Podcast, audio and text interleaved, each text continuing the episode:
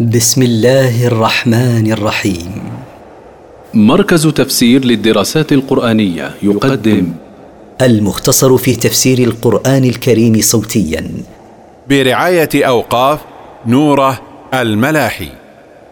سورة المدثر مكية من مقاصد السورة.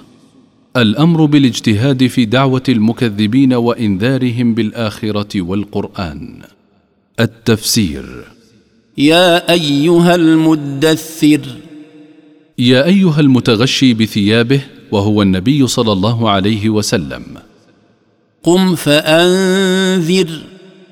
انهض فخوف من عذاب الله. وربك فكبر. وعظم ربك. وثيابك فطهر. وطهر نفسك من الذنوب وثيابك من النجاسات. والرجز فاهجر. وابتعد عن عبادة الأوثان. ولا تمنن تستكثر. ولا تمنن على ربك بأن تستكثر عملك الصالح. ولربك فاصبر. واصبر لله على ما تلاقيه من الأذى. فإذا نقر في الناقور. فإذا نفخ في القرن النفخة الثانية فذلك يومئذ يوم عسير. فذلك اليوم يوم شديد. على الكافرين غير يسير. على الكافرين بالله وبرسله غير سهل. ذرني ومن خلقت وحيدا. اتركني أيها الرسول ومن خلقته وحيدا في بطن أمه دون مال أو ولد وهو الوليد بن المغيرة. وجعلت له مالا ممدودا. وجعلت له مالا كثيرا. وبنين شهودا. وجعلت له بنين حاضرين معه ويشهدون المحافل معه لا يفارقونه لسفر لكثرة ماله. ومهدت له تمهيدا. وبسطت له في العيش والرزق والولد بسطا. ثم يطمع أن أزيد. ثم يطمع مع كفره بي أن أزيده بعدما أعطيته من ذلك كله. كلا إنه كان لآياتنا عنيدا. ليس الأمر كما تصور. إنه كان معاندا لآياتنا المنزلة على رسولنا مكذبا بها. سأرهقه صعودا. سأكلفه مشقة من العذاب لا يستطيع تحملها. إنه فكر وقدر. إن هذا الكافر الذي أنعمت عليه بتلك النعم فكر فيما يقوله في القرآن لإبطاله. وقدر ذلك في نفسه. فقتل كيف قدر. فلعن وعذب كيف قدر. ثم قتل كيف قدر. ثم لعن وعذب كيف قدر. ثم نظر. ثم أعاد النظر والتروي فيما يقول. ثم عبس وبسر. ثم قطب وجهه وكلح حين لم يجد ما يطعن به في القرآن. ثم أدبر واستكبر. ثم أدبر عن الإيمان واستكبر عن اتباع النبي صلى الله عليه وسلم. فقال إن هذا إلا سحر يؤثر. فقال ليس هذا الذي جاء به محمد كلام الله بل هو سحر يرويه عن غيره. إن هذا إلا قول البشر. ليس هذا كلام الله بل هو كلام الإنس. سأصليه سقر. سأدخل هذا الكافر طبقة من طبقات النار وهي سقر يقاسي حرها. وما أدراك ما سقر. وما أعلمك يا محمد ما سقر. لا تبقي ولا تذر. لا تبقي شيئا من المعذب فيها إلا أتت عليه ولا تتركه ثم يعود كما كان ثم تأتي عليه وهكذا دواليك. لواحه للبشر. شديدة الإحراق والتغيير للجلود. عليها تسعة عشر. عليها تسعة عشر ملكا وهم خزنتها. وما جعلنا أصحاب النار إلا ملائكة وما جعلنا عدتهم إلا فتنة للذين كفروا.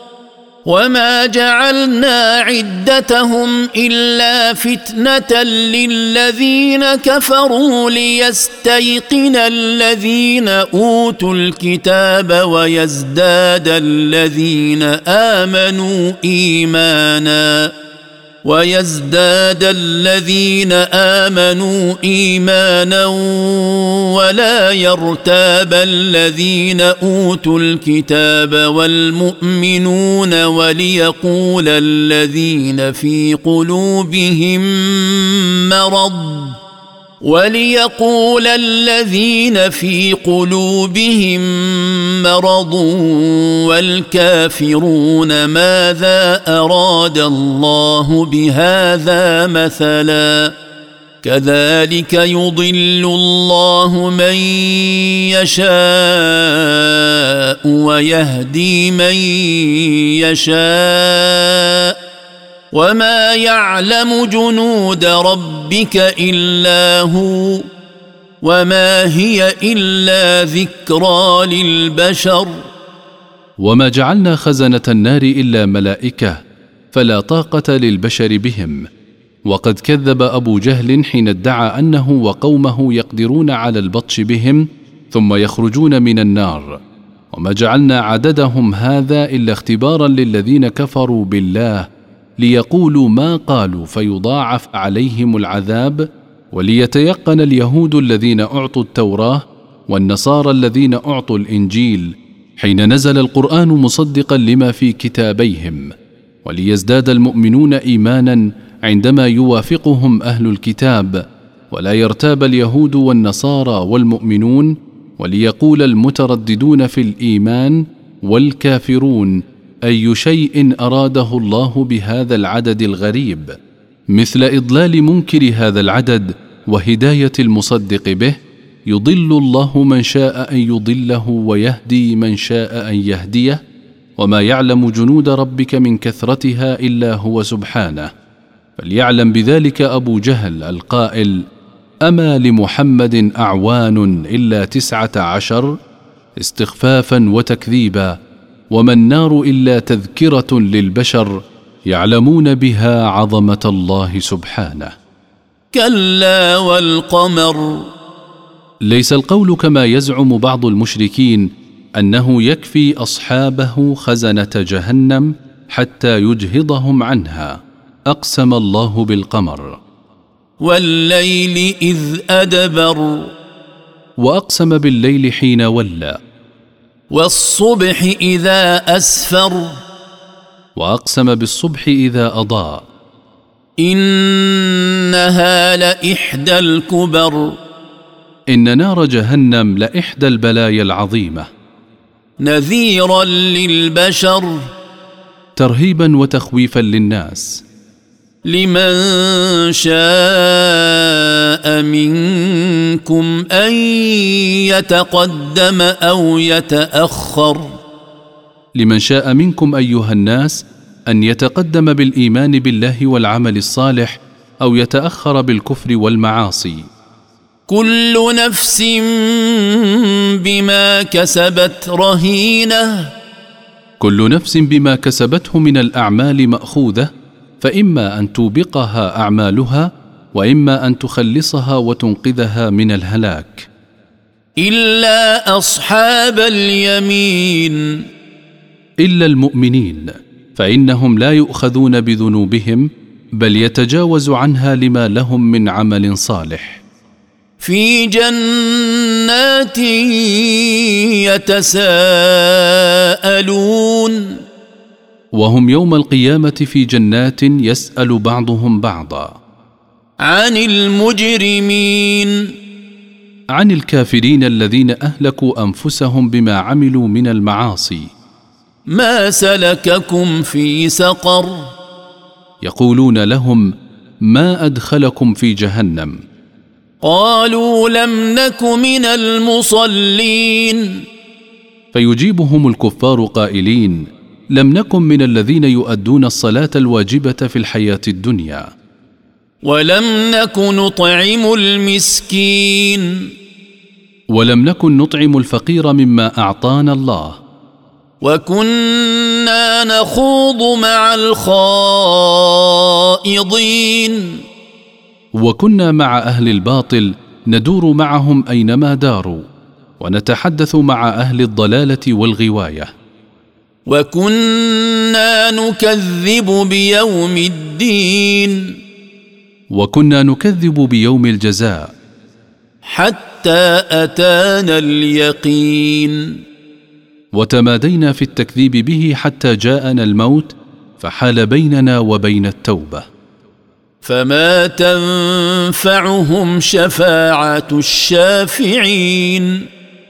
فما تنفعهم يوم القيامة وساطة الشافعين من الملائكة والنبيين والصالحين لأن من شرط قبول الشفاعة الرضا عن المشفوع له. فما لهم عن التذكرة معرضين. أي شيء جعل هؤلاء المشركين معرضين عن القرآن؟ كأنهم حمر مستنفرة.